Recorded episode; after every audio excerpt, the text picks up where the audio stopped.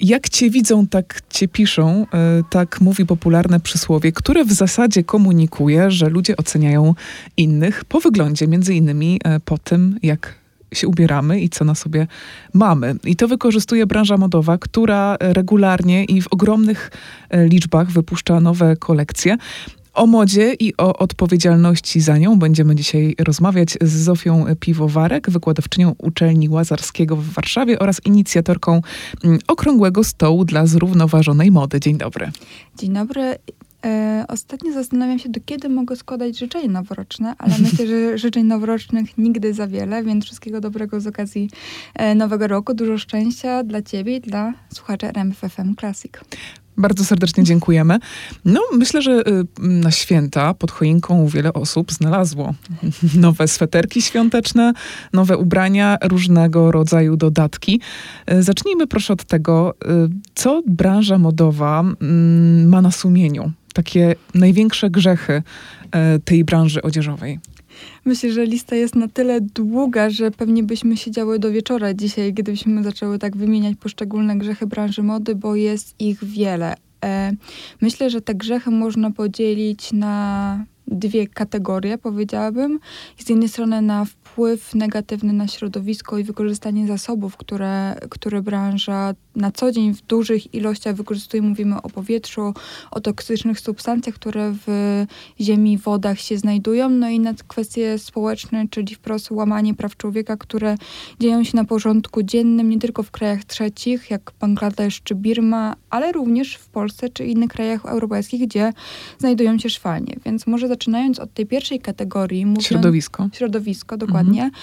Mówiąc o wpływie negatywnym e, na, klim, na klimat, e, mogą pokazać statystyki, jaka ilość produkcji, jaka ilość ubrań jest każdego dnia, a raczej roku produkowana.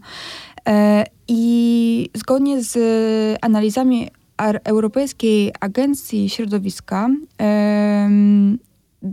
na każdego Europejczyka przypada 14,8 kg odzieży i tekstyliów wyprodukowanych na każdy rok. Oczywiście to jest podział na kraje, w niektórych krajach jest więcej, mniej, to jest, to jest średnia. Mhm. Ta ilość jest ogromna, ponieważ to się liczą kwestie ubrań, podkoszulków, marynarek, ale nawet też takich tekstyliów, tekstyliów domowych. I do stworzenia na przykład właśnie tej 14,8 14 kg odzieży i tekstyliów potrzeba około 391 kg surowców oraz 9 metrów sześciennych wody, więc tak naprawdę to są ogromne ilości, które każda wyprodukowana rzecz wykorzystuje, bo to są właśnie z jednej strony y, oczywiście kwestie, gdzie ta odzież jest produkowana, czy jest na przykład produkowana w krajach europejskich, y, więc ten łańcuch dostawy jest krótszy, czy są produkowane no właśnie w krajach, o których wspomniałam, Bangladesz, Pakistan, Birma, to są kraje, w których najczęściej ta produkcja powstaje, ponieważ ta to wyprodukowanie odzieży jest bardzo tanie. No i też surowce, które są wykorzystane są po prostu tanie. E, taka, takie wyprodukowanie na przykład koszulki e, z jednej strony zużywa 2700 litrów wody, ale jednocześnie e, sam koszt wyprodukowania takiej e, koszulki z poliestru to wy, wynosi około 2 zł w przeliczeniu oczywiście na naszą walutę. Tylko, że to nie jest tak, że w takim razie ten, ta, y, ta koszulka nic nie kosztuje, no bo to są kwestie środowiskowe, czyli ta ilość wody zużytej, ale też te toksyczne substancje, które wpadają do rzek. I zresztą mhm. nawet jest takie przysłowie, że y, kolor wody Gangesu, y, rzek, rzeki Ganges zależy od produkcji, jaka obecnie się toczy w okolicznych fabrykach. Jeśli są jeansy, no to woda jest bardziej niebieska, a jak są na przykład produkowane jakaś linia z intensywnym kolorem, typu na przykład czerwony czerwonych sukienek, to wtedy woda jest na przykład czerwona. Mm, przerażające. Przerażające niestety, ale jak już mówimy właśnie o produkcji odzieży i właśnie tych krajach e, trzecich, to e, mówimy właśnie o tych kwestiach społecznych, ponieważ miejsce, w którym pracują e, osoby, bardzo często to są dzieci i kwestie przymusowej pracy dzieci, warunków pracy, zarobków e, dla osób, które pracują po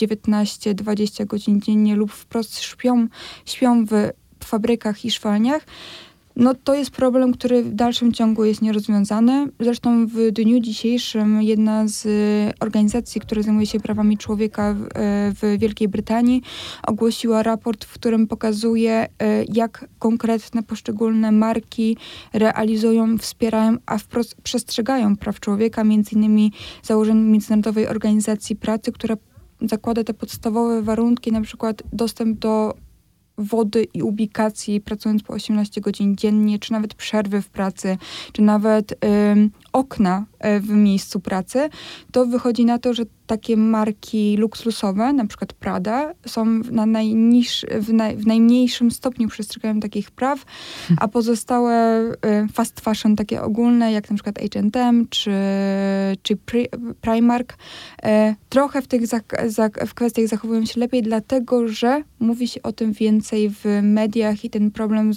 jest coraz bardziej właśnie przez radio, telewizję czy social media nagłaśniane. Czyli te marki, które mają najdroższe, najbardziej luksusowe produkty, e, najgorzej traktują pracowników.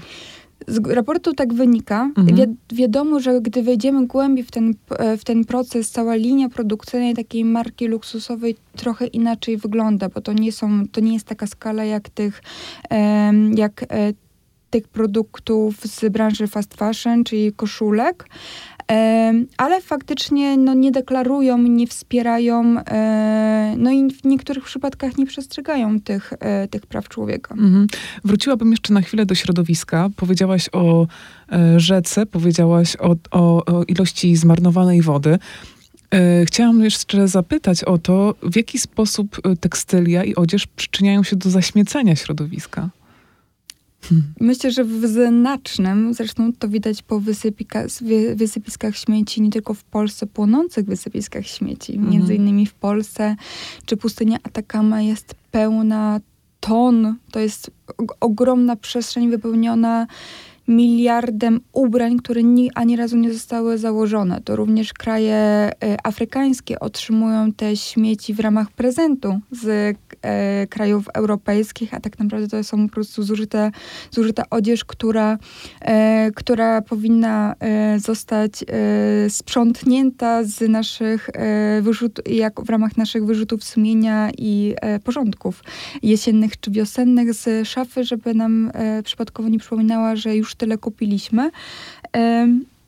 Przykładowo, poziom recyklingu ubrań, czyli powtórnego użycia e, ubrań, które już zostały wyprodukowane, jest na poziomie w Unii Europejskiej jest na poziomie 1%. 1%. Więc tak mhm. tak naprawdę przy ilości ubrań, która jest, wyproduku- jest produkowana, czyli tak naprawdę w 2020 roku w Unii Europejskiej wyprodukowano 6,9 miliona ton gotowych ubrań, z czego 1% został zrecyklingowany.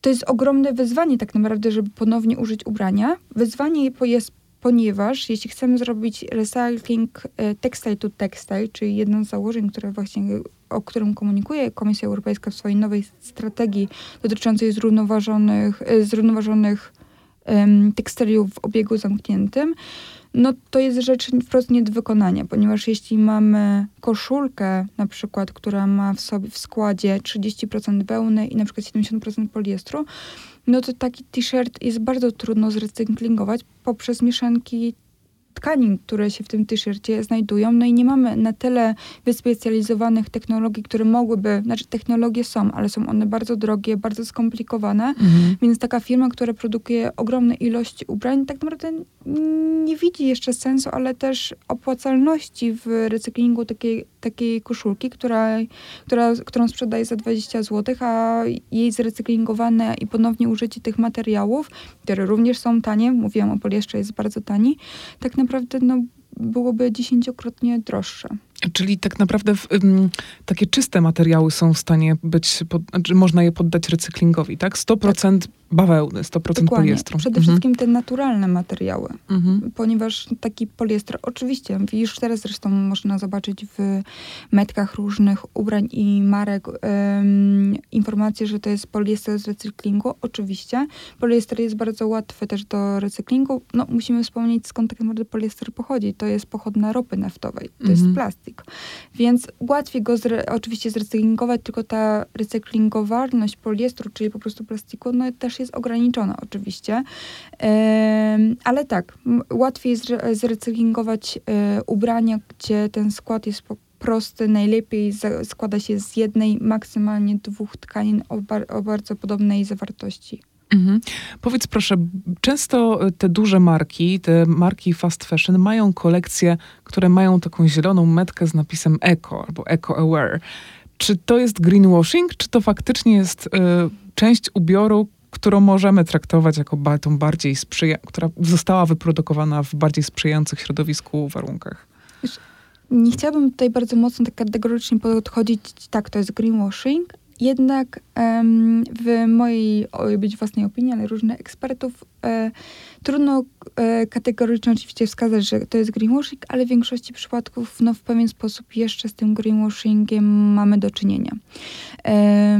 Tutaj odwołam się na chwilę do właśnie strategii Komisji Europejskiej, która podchodzi i która zresztą w zeszłym roku, w 2023 roku, ogłosiła Green Claim Directive. To jest taka dyrekty dyrektywa, która um, ma przeciwdziałać greenwashingowi w komunikacji, które stosują marki nie tylko z branży mody, ale z wszystkich branży produkcyjnych e, czy usług e, wobec swoich klientów. Mhm. E, ponieważ tak naprawdę to jest zjawisko, które jest nagminne, tak naprawdę we wszystkich branżach i w całym biznesie, ponieważ biznes e, zobaczył, ale w tym oczywiście branża mody, zobaczyła, że mm, te kwestie związane z ekologią są, na, tą, na te kwestie związane z ekologią klienci coraz bardziej zwracają uwagę, mhm. ponieważ te właśnie przesłania, te konsekwencje, ten negatywny wpływ na planetę coraz bardziej się właśnie przedostaje do, do e, świadomości społeczeństwa, do, tej, tej szerszej, do tego szerszego społeczeństwa, bo wcześniej raczej była skumulowana wśród naukowców, ekspertów, osób, które mhm. znajdowały się, się tym. tak, znajdowały w takiej tym bańce e, mhm. mocno informacyjnej, wychodzi się e, z przekazem na zewnątrz i są marki, które faktycznie starają się komunikować, które przygotowują które przygotowują raporty niefinansowe, czy pokazują tak naprawdę swoją strategię, starają się działać, komunikować, pokazywać, jak chcą się zmienić, przygotowują plany e, transformacji swojej marki, bo na przykład produkują w Bangladeszu, a planują tą produkcję e, ob, obsadzić e, w na przykład Polsce ale są marki, które z tego bardzo mocno korzystają. I tutaj nigdy tak mocno kategorycznie do tego nie podchodzę, jednak e, zdaję sobie sprawę, że wiele marek cały czas e, nadciąga, nadciąga tą komunikację i raczej wykorzystuje moment, a raczej patrzy, kiedy jeszcze ich nie złapali za rękę i nie powiedzieli, tutaj już przegięliście, tutaj już, już mhm. nie mówcie o tym recyklingu, albo o tym, że działacie na rzecz środowiska, albo sadzicie drzewa, kiedy na przykład nie, nie, nie, nie płacicie swoim pracownikom e, w e, fabrykach i szwalniach. Zresztą to jest akurat przykład Adidasa, e, który zresztą w tym miesiącu podniósł e, wynagrodzenie dla swoich pracowników po serii protestów, które miały miejsce w 2023 roku. I wprost markę wzięły media na świeczniki, ponieważ e, tutaj marka mówiła o zrównoważonym rozwoju, a z drugiej strony właśnie w ich fabrykach w Birmie e, pra, ludzie pracowali w bardzo złych warunkach, e, w nieproporcjonalnie, e, z nieproporcjonalnie niskimi wynagrodzeniami. No i pojawił się również przykład nadużyć i przymusowej pracy. Więc to zostało już rozwiązane. Mhm. Związki zawodowe podpisały porozumienie z marką. Tam nie było tylko i wyłącznie marki Adidas, były inne również e, marki, ale akurat to Adidasowi dostało się najbardziej. Mhm. Adidas mi się akurat nie kojarzy z jakąś taką bardzo tanią marką. Są inne, w których No te ceny czasami są jakieś absurdalnie niskie i za koszulkę zapłacimy na przykład 15 zł, to już ta cena pokazuje nam, w jaki sposób traktuje się pracowników tej firmy. Dokładnie. E, przykładowym i naczelnym chyba przykładem takich firm jest platforma Shein, czy teraz dowiedziałam się od, od, mojego młodszego rodzeństwa, że pojawia się również platforma temu.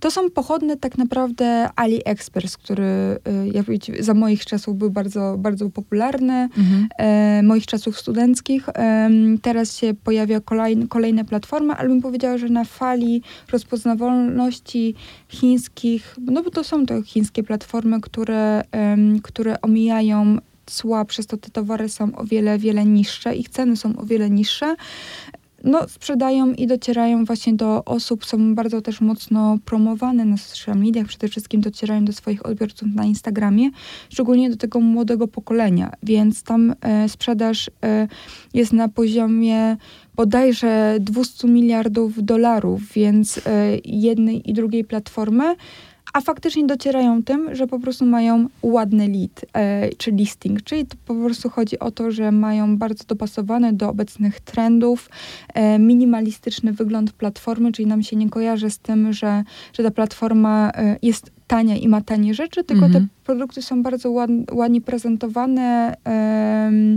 Między innymi oczywiście za, za pomocą różnych technik marketingowych, czy teraz obecnej artificial intelligence, czyli sztucznej inteligencji, można w bardzo ładny sposób tak naprawdę dopasować i zrobić ładne tło dla jakiegoś produktu. Mhm. Więc to dociera do młodych osób, które które są w takim, bym powiedziała, etapie, kiedy raczej kupują ilość, a nie patrzą na jakość. To jest oczywiście zrozumiałe, każdy w takim etapie życia był. No i tutaj pojawia się e, też element promocji e, tych e, produktów na social media, a raczej trochę zmiany perspektywy i podejścia do mody, żeby te ubrania nie powinny się tylko podobać na co dzień i używać na co dzień, ale też, żeby dobrze zrobić zdjęcie. To, co mówisz, mi się skojarzyło z tym, że ja sama oczywiście jestem użytkowniczką mediów społecznościowych i no, znam kilka osób, które działają w sieci, które nawiązują współpracę z markami no, ultra fast fashion. E, mają specjalne kody rabatowe jeszcze pod, pod swoją marką, nazwą. I to komunikuje młodym ludziom, że można z nich, od nich kupować, że warto z nich korzystać, że są tani, e, modni, wygodni, bo mm, wystarczy właściwie wyklikać coś w aplikacji. No i tak to się kręci. Dokładnie. Myślę, że dotknęłaś bardzo ciekawego tematu, jak, w, jak obecnie wygląda transformacja tej branży mody, bo kiedyś ta branża mody e, opierała się o pokazy, e, o trendy. Mhm. E, oczywiście w dalszym ciągu to jest, tylko że raczej starsze pokolenie, bym nawet powiedziała tak 30 plus, 40 plus jest właśnie cały czas w tym trybie trendy, pokazy, e, fashion weeki, ale chętnie jeszcze o tym e, chwilę powiem, a teraz młode pokolenie również pojawia się tak z moda, moda street, streetwearowa, czyli to, co jest na ulicach, to, co się pojawia w social mediach.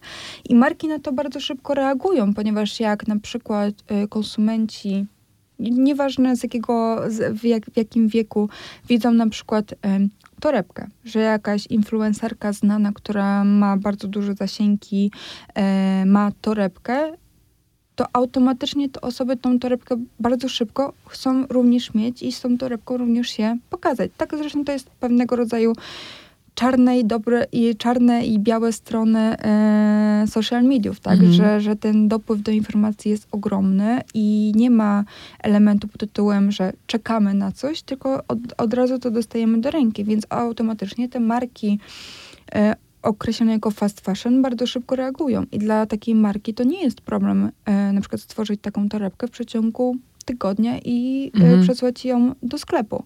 E, zresztą te kolekcje, które mamy w, e, w sieciówkach, one się zmieniają tak naprawdę w przeciągu dwóch tygodni. W przeciągu miesiąca firma może zmienić cały, całą wystawę w, swojej, e, w swoich sklepach na całym świecie i to nie jest w żaden sposób problem. Tak bardzo moc, tak szybko moda przyspieszyła. Mhm. E, więc to są tak naprawdę te właśnie grzechy, o których mówiłaś na samym początku, ale nie tylko moda przyspieszyła, jeśli chodzi o te e, firmy z branży fast fashion, e, ale również przyspieszyła, jeśli chodzi o modę high fashion określoną, czyli tą modę luksusową. Ponieważ w jeszcze starym trybie to wyglądało tak, że marki modowe otrzymywały trendy. Mamy zresztą e, czy to różne instytuty, które pracują na trendach, więc tak naprawdę marki modowe, czyli to na przykład Pantone, ta słynna e, instytucja, która wyznacza kolor roku, i wiele, wiele innych instytucji pracuje nad tymi trendami. Eksperci z całego świata pracują i przesyłają do, raczej domy modowe zakupują tak, tak zwany trendbook e, i wiedzą dwa lata do przodu, jakie będą trendy w, przykładowo w tym roku, w 2025 roku obowiązywały. I na podstawie, mhm. na podstawie tego um, tworzą kolekcje. Tylko, że e, tak było do tej pory, e, a raczej było nawet te 10 lat wstecz, 5 lat wstecz, że właśnie domy mody pracowały nad e, trendami i Pokazy były podczas Fashion Weeku w Paryżu, w Mediolanie, w Nowym Jorku, e, gdzie dwa razy do roku był pokaz jesień, zima, lato, wiosna i były pokazywane te trendy. Teraz również w branży luksusowej przyspieszyła, przyspieszyła ta produkcja i między innymi pojawiły się tak zwane pokazy resortowe. To wolę mhm. na tym, że między sezonami pojawiają się również um, trendy, na przykład na wyjazdy, powiedzmy, nie wiem, e, pokaz e, let, letnich strojów kąpielowych albo po, e, pokaz strojów zimowych, żeby jak jest, mamy teraz sezon zimowy, żeby osoby mogły na przykład kupić taki kombinezon od marki luksusowej. Więc w międzyczasie również pojawiają się jeszcze jakieś takie piki um, produktowe, więc tak naprawdę te, ta moda luksusowa również generuje zysk dla sieci e, sklepów fast fashion, ponieważ one się wzorują i widzą, co na przykład klienci mhm. pożądają, więc automatycznie reagują. Więc tych ubrań, tego, tej produkcji mamy ogromne, ogromne ilości. Nie mówiąc już, bo my tutaj mówimy o tych dużych e, firmach, nie mówiąc też o małż, mniejszych firmach, które na rynku polskim również są obecne, małe i średnie przedsiębiorstwa polskie marki również tę ilość, e, dużą ilość ubrań też na swoje kolekcje produkują, również w sezonach jesień, zima, lato, wiosna. Więc tak naprawdę, kiedy konsument powiedzmy, że siada przed komputerem albo zastanawia się, czego potrzebuje, to ma taki taką klęskę urodzaju, że nawet czasami nie wie, z czego wybierać. Mhm. I tu się pojawia pytanie, jeśli konsument chce być świadomy, no to jeśli mówi, że chciałbym kupować odpowiedzialnie i nie mieć negatywnego wpływu na środowisko, no to pojawia się problem, ponieważ nie ma jeszcze dostępnych informacji i nie mamy też pewności, co się znajduje na metkach. To, że na przykład jakaś marka odzieżowa deklaruje, że w um, bluzce jest na przykład, e, że to jest e, koszulka bawełniana, 100% bawełna, to nie ma na ten moment takich, um, takiego prawa, legislacji, obowiązującego prawa, który by sprawdził na 100%, że ta marka mówi prawdę. Mhm. I nieraz się okazało, że na przykład jakieś marki oszukiwały na swoich metkach. Mhm. A co gwarantuje, e, właściwie co narzuca prawo co musi marka powiedzieć. To znaczy, mamy pewne marki, ja znam takie marki polskie, które są właściwie w pełni transparentne i wiemy, e, ten, jaki jest ostateczny koszt produktu i co na ten produkt się składa, jakie tam poszczególne e, elementy. Ale co w ogóle musi marka zakomunikować, żeby to było w zgodzie z prawem?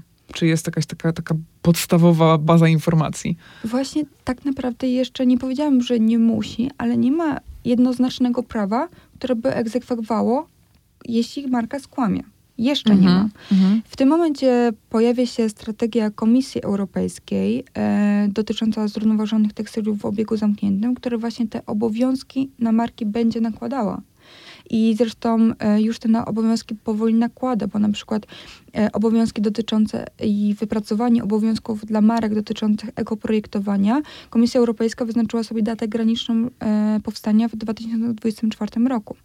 Więc już wtedy, w 2024 roku, jeśli marka będzie chciała zaprojektować e, bluzkę, na przykład, albo koszulkę, albo spodnie, to będzie miała jasne wytyczne, w jaki sposób ma projektować, żeby nie szkodzić środowisku, jakie e, mhm. e, ma materiał wykorzystać. E, albo jak zakomunikować ten produ produkt do klientów. Bo teraz właśnie tu się pojawia ta kwestia greenwashingu, że teraz y, na metkach znajdujemy informacje, jak prać, jaki, jaki jest materiał i gdzie został wyprodukowany. Mhm, Ogólnie pokazując kraj, chociaż nie zawsze ten kraj się zgadza. I mieliśmy wiele też w historii przypadek, że na przykład ktoś pisał, że to jest made in Poland, a okazało się, że e, tylko było na przykład doszywana albo e, farbowana bluzka w Polsce, a cały proces szycia był na przykład w Bangladeszu. I to były przypadki, bo tak można było, bo tak mhm. tak można było złamać prawo, więc tego jeszcze nie ma i cały czas to jest element deklaratywny. Oczywiście pojawiają się różne stowarzyszenia, certyfikaty, które, y, które wskazują, że ta marka faktycznie jest etyczna, ale tak naprawdę w dalszym ciągu to jest deklaratywne dla firmy, czy chce do takiego certyfikatu, na przykład GOT, e, przystąpić i deklarować swoją etyczność i po pozwolić, żeby na przykład ta firma sprawdziła ich łańcuch dostaw czy produkcję, mhm. bo w dalszym ciągu nie wszyscy muszą albo chcą to robić.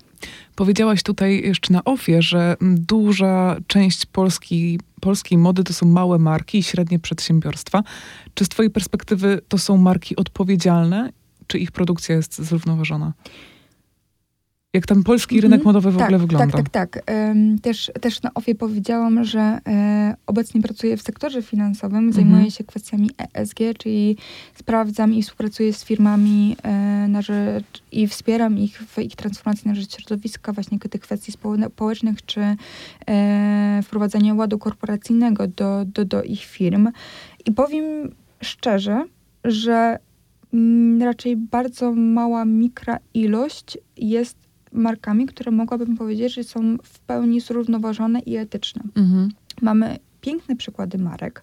E, myślę, że możemy nawet tutaj ładnie e, powiedzieć o, o tych firmach, czy to na przykład jest Monika Kamińska, czy Nago, czy Elementy. A, tak. tak.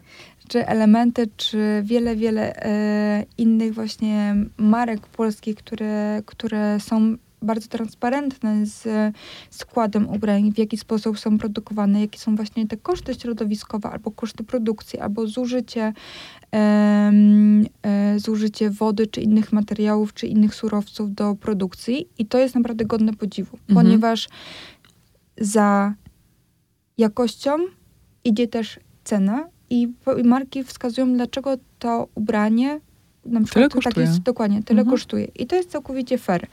No, ale właśnie, e, tu rozchodzi się oceny, ponieważ z jednej strony nasze społeczeństwo, też polskie, czy w ogóle europejskie, bo tutaj nie, bardzo nie mocno chciała tutaj e, bardzo mocno demonizować polskiego społeczeństwa, deklaruje, że zwraca uwagę przy kupowaniu na to, czy produkt jest zrównoważony, czy nie. Ale to jest mimo wszystko cały czas deklaratywne, bo nie oszukujmy się i też widzimy, w jakich czasach żyjemy, kiedy mhm. jeszcze na koniec zeszłego roku inflacja była na poziomie 6%. to pokazuje, że cały czas decydujemy mimo wszystko ceną. Zresztą mhm. w czasach kryzysu to jest całkowicie zrozumiałe, że jednak ludzie sięgają do tych niższych półek, no bo muszą się w coś ubrać, jeśli brakuje tych ubrań. Więc sięga się do tych niższych półek niż do tych wyższych. Mhm.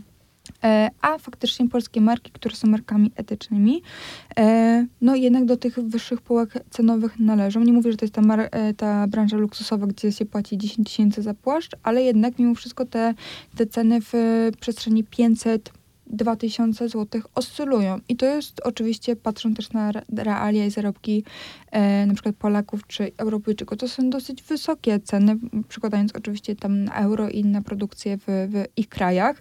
E, podmiotów w Polsce, które działają w modzie jest 36 tysięcy.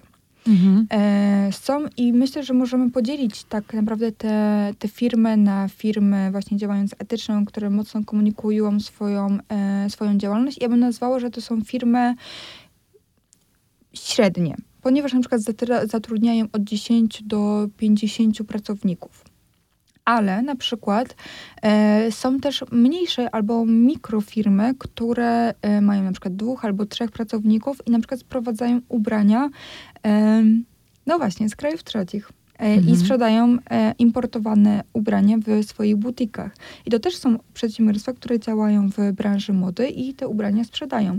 Ja pochodzę z mniejszej miejscowości i na porządku dziennym miałam na przykład właśnie butiki, gdzie można było kupić chińskie ubrania, albo, tak. ale również właśnie były mniejsze marki, które same produkowały, które same szyły, szyły swetry bardzo dobrej jakości. No i jeszcze trzeci element, tutaj już robię taki bardzo mocny off-topic, to były właśnie również lumpeksy.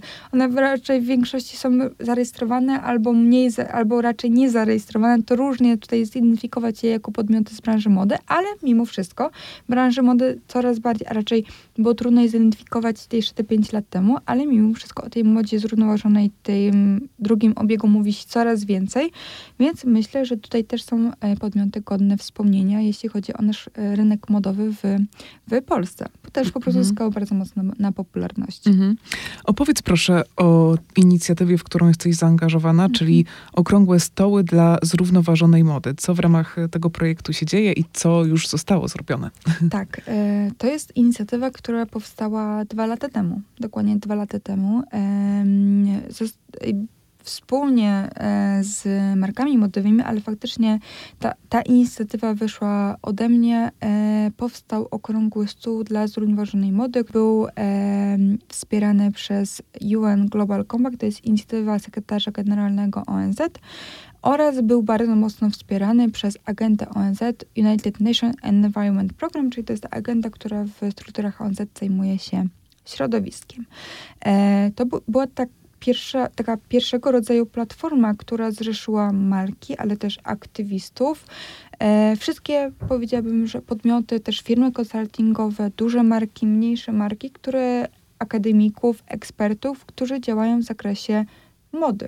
Mhm. E, wcześniej nie było takiej platformy do rozmowy i powstała tak silna grupa osób, podmiotów, e, które rozmawiały z różnej perspektywy, bo z jednej strony mieliśmy reprezentowaną właśnie e, stronę ekspertów albo jednoosobowych przedsiębiorstw. Na przykład e, tutaj mogę wyróżnić kilka podmiotów, e, na przykład Monika Surowiec, która jest jedno, jednoosobowym przed, jednoosobową przedsiębiorczynią, która zajmuje się upcyclingiem, czyli e, prowadzi i nadaje, daje drugie życie marynarkom i garniturom. Mhm. E, mieliśmy też właśnie takie podmioty jak na przykład e, marki e, mniejsze typu Local Heroes. E, również w inicjatywie uczestniczyła Ania Kurzyńska, która jest z raczej tej wyższej półki. E, mieliśmy ekspertów i na przykład przedstawicielki Fashion Revolution. Mhm. Mieliśmy też ekspertki, podcasterki, na przykład Kasię Zajączkowską z Mody Odpowiedzialnej, czy Agnieszkę Oleksen-Wajdą, znaną właśnie prawniczkę, która działa i walczy o, te, o tą modę zrównoważoną. Mieliśmy też podmioty jak na przykład Zalando, LPP, czyli właściciela marki, taki, takich marek między, e, między innymi Reserve, czy mieliśmy e, również szwalnie, które e, ze swojej perspektywy mówiły o problemach, z jakimi oni się borykają na co dzień i ogromnymi cenami i wyzwaniami, jakie, jakie spotykają. Tak naprawdę wymieniłam bardzo małą skalę, bo tych podmiotów było bardzo i osób, które działały, było bardzo, ale to bardzo dużo. Ale takie spojrzenie z różnych perspektyw tak, na modę. Tak, tak. Chciałam właśnie podać przykład, e, mhm. jak zróżnicowane, e, zróżnicowane osoby tak naprawdę w tym, w tym gronie się pojawiły i jak, e, jak, wiel, jak wiele burzy mózgów mieliśmy. Inicjatywa była odpowiedzią na stworzenie strategii Komisji Europejskiej, strategii Komisji Europejskiej w zakresie zrównoważonych tekstyliów w obiegu zamkniętym, ponieważ Komisja powołała swoją strategię w marcu 2022 roku, jednak zachowała i raczej przygotowała tak zwany transition plan E, transition period, czyli taki okres przejściowy, w którym właśnie takie inicjatywy jak Okrągły Stół dla Zrównoważonej Mody mają możliwość zaopiniowania, a również przekazania um, swoich spostrzeżeń z perspektywy krajowej do propozycji, które nakłada i chce nałożyć Komisja Europejska. Stąd właśnie pojawiły się czy to konsultacje społeczne, czy właśnie inicjowanie i wsłuchiwanie się e, w głos takich inicjatyw jak Okrągły Stół. żeby stworzyć strategię, która nie będzie narzucała i nie będzie zupełnie użyteczna, a raczej, no wprost, zabije biznes, bo nikt nie będzie mógł tych wymagań, e, wymagań spełnić, a raczej chciała stworzyć strategię, która będzie użyteczna, która przede wszystkim pomoże konsumentom, którzy mhm. są raczej zagubieni na rynku i markom modowym, żeby się zmieniać. Mhm. E, mówię, że mówiłam w trakcie przeszłym, ponieważ tak naprawdę w zeszłym tygodniu okrągły stół e, przygotował stanowisko i zaopiniował właśnie e, stanowisko e, i strategii, poszczególne punkty w strategii. Oraz na samym początku działania Okrągłego Stołu powstał raport, który miał na celu wytłumaczyć markom modowym działającym w Polsce, e, żeby z czym wiąże się strategia i co będzie ich czekało w konkretnych okresach czasu, bo mówi się, że do 2030 roku, no mamy rok 2024, więc tak dużo czasu tak naprawdę mhm. nie zostało, bo to tylko 6 lat, a tak naprawdę um, już konkretne obowiązki dotyczące przy zaprzestaniu greenwashingu, a raczej odpowiedzialnej komunikacji, czy właśnie kwestia po, e, po, e, przeciwdziałania i wykluczenia mikroplastiku z ubrań e, już obecnie się toczą i zostały zaopiniowane i propozycje zapisów aktach delegowanych, czyli prawie, który będzie nas obowiązywał, już są jasno wskazane. Takie elementy jak właśnie ekoprojektowanie, czyli jaki sposób projektować ubrania, również zostały już przez komisję wskazane. No i między innymi pojawia się taki bardzo duży obowiązek na, e, nałożony, który będzie nałożony na firmę, czyli rozszerzona odpowiedzialność producentów. Mhm. E, jest to element, który pociąga e, producentów, którzy produkują ubrania, ale też właśnie firmy, które te ubrania sprzedają, do odpowiedzialności za tekstylia i za ich wyrzucanie i składowanie, a dokładnie producenci będą mieli również obowiązki związane z zbiórką odzieży, ubrań, które, których, które, które mają e, ich markę, e, czy właśnie odpowiedniemu e, ich recyklingowi. Mhm. Ale myślę, że w, kolej, w kolejnej części robić rozmowy kon, e, konkretnie podejdę do, do tych elementów e, właśnie zapisanych w strategii i, i ładnie je pogrupuję. Ale myślę, że to są takie rzeczy, które w innych krajach już zaczęły się dziać, ponieważ ta rozszerzona odpowiedzialność producentów w zeszłym roku została przyjęta w Holandii i mhm. producenci ubrań w Holandii czy i tekstyliów już mają jasno nakreślone, co do ich obowiązków należy. To również istnieje we Francji od kilku lat. A na przykład w zeszłym roku Francja e, powiedziała, że będzie stosowała dopłaty do firm, które na przykład e, naprawiają ubrania, czy obuwie, czy inne garamenty e, właśnie z branży, które garamenty odzieżowe, czy właśnie akcesoria i będą dopłacały markom za właśnie naprawę tych, mhm. tych ubrań. Jakieś jest to wsparcie tak. ze strony państwa. Mhm. Czyli to są takie kwestie, które wejdą w tym roku, tak? I w kolejnych latach? Tak, tak, cały plan, tak naprawdę e, plan konkretnych zapisów i aktów delegowanych został przygotowany i są na przykład właśnie wyznaczone e, te elementy w na przykład pracy nad elementami od roku 2022, które już się zaczęło do 2024, mhm. czy na przykład właśnie praca nad ekoprojektowaniem do 2024 roku, przeciwdziałanie greenwashingowe do 2023 roku, czy na przykład rozszerzona odpowiedzialność producentów bodajże też na przestrzeni tych najbliższych dwóch lat będzie wypracowywana. Więc kiedy powiemy o tej strategii i kiedy znajdziemy się w roku 2023, tak naprawdę już powinniśmy mieć gotową jasność. Konsument mie, powinien mieć jasność, e, czego może od, wymagać od firmy, mhm. ale też co znajduje się na metce, ale również też będzie miał narzędzia, które będą mu w tym pomagały, między innymi paszport produktów. Konsument będzie miał paszport, elektroniczny paszport produktów, gdzie będzie mógł jasno sprawdzić, w jaki sposób ubranie zostało wyprodukowane. Oczywiście, co się dokładnie w tym paszporcie produktów znajdzie, będziemy wiedzieć na przestrzeni najbliższych lat. Jednak wiemy, że to ma dotyczyć miejsca produkcji, a dokładnie miejsca konkretnie, gdzie ta produkcja się dzieje, ponieważ w tym momencie znamy tylko na metce kraj, a to ma być wskazana konkretna fabryka, w której zostało wyprodukowane mhm. to ubranie, jaki jest dokładny, sprawdzony skład e, produktów, ale też koszty środowiskowe, które się na, e, zwią są związane z produkcją takiego ubrania. Mhm. A czy ktoś... Y będzie może kontrolował działanie tych marek według nowych zasad? Na pewno tak.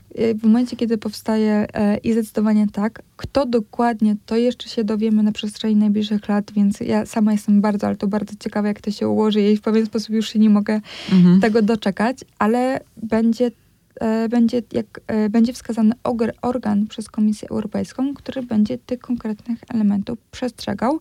Myślę, że to będą i organy na poziomie Komisji Europejskiej, ale też i organy na poziomie krajowym, bo zazwyczaj tak jest, zresztą zgodnie z, e, z prawem polskim, że każda strategia czy akt powinien być również zaimplementowany przez nasze prawo. Mhm. Więc również jak, jak taki akt powstanie, to Polska będzie taki akt, strategię, e, dokument na poziomie Polski implementowało i wskazywało konkretne organy, ja bym powiedziała, ścigania nielegalnie działających firm. Mhm.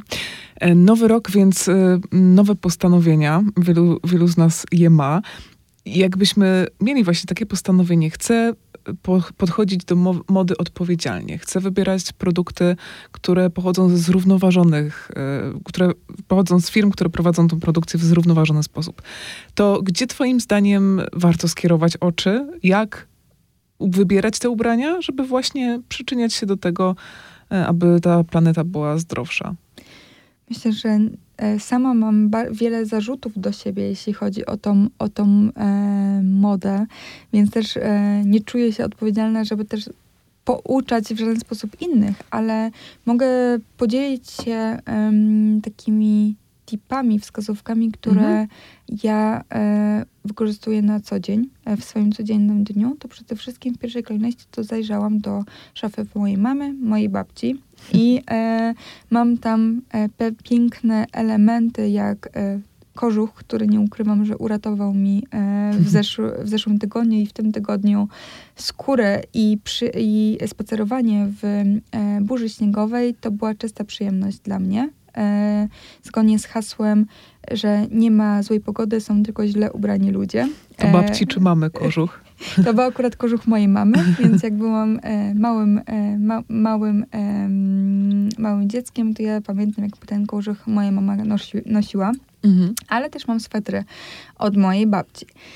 To, co stosuję w codziennym e, życiu, to jest umiar. E, I kiedy podchodzę i myślę i oglądam też piękne magazyny modowe, gdzie są promowane trendy i ubrania, e, gdzie są pokazywane e, co chwila nowe kolekcje, to przy podejściu do ubrania przede wszystkim patrzę na swoją szafę i zastanawiam się, czy faktycznie potrzebuję swetra, spodni czy innego, innego elementu, a potem zastanawiam, jeśli faktycznie tego potrzebuję, bo na przykład schodziłam um, jeansy um, ulubione, które miałam od, jak, od dłuższego czasu, to, um, to zastanawiam się, w którym miejscu to kupić. I jeśli na przykład sprawdzam z mody z drugiego ubiegu, czy to w, e, w lumpeksie, w, w sklepie vintage, tak, w mm -hmm.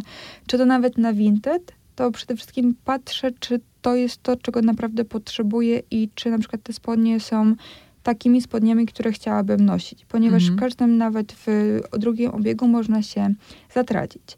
Nie ukrywam, że ja bardzo mocno zwracam uwagę na materiały i czy na metki. Nie jest to proste. -hmm. e, nie jest proste rozpoznać je w całym gąszczu metek, czy to jest, um, czy to jest poliester, czy to nie jest poliester, ponieważ są na przykład też takie pochodne jak na przykład akryl. I kiedy widzimy sweter akrylowy, no to wydaje mi nazwa sama w sobie brzmi bardzo ładnie, ale potem okazuje się, że to znowu to jest pochodna poliestru i, po, yy, i to nie jest materiał, który nas ogrzeje. Więc mimo wszystko staram się patrzeć na materiały zrównoważone. I tutaj mogę polecić między innymi właśnie raport y, Okrągłego Stołu dla Zrównoważonej y, Mody, ponieważ na samym końcu raportu wylistowaliśmy materiały. Mhm. Co to ma, jakie to są materiały, z jakich materiałów warto korzystać. Między innymi mogę też polecić książkę y, Kasi Zajączkowej Moda Odpowiedzialna, gdzie o tych materiałach również mówi. E, i wskazuje te bardziej odpowiedzialne, które nas bardziej ogrzeją. Również e, jeśli stawiam na, na rzeczy, które chciałabym na przykład e, na które chciałabym zakupić na przykład w powiedzmy, że na wiosnę, lato, na mhm. właśnie te kolekcje, to przede wszystkim też sprawdzam miejsce, gdzie były produkowane.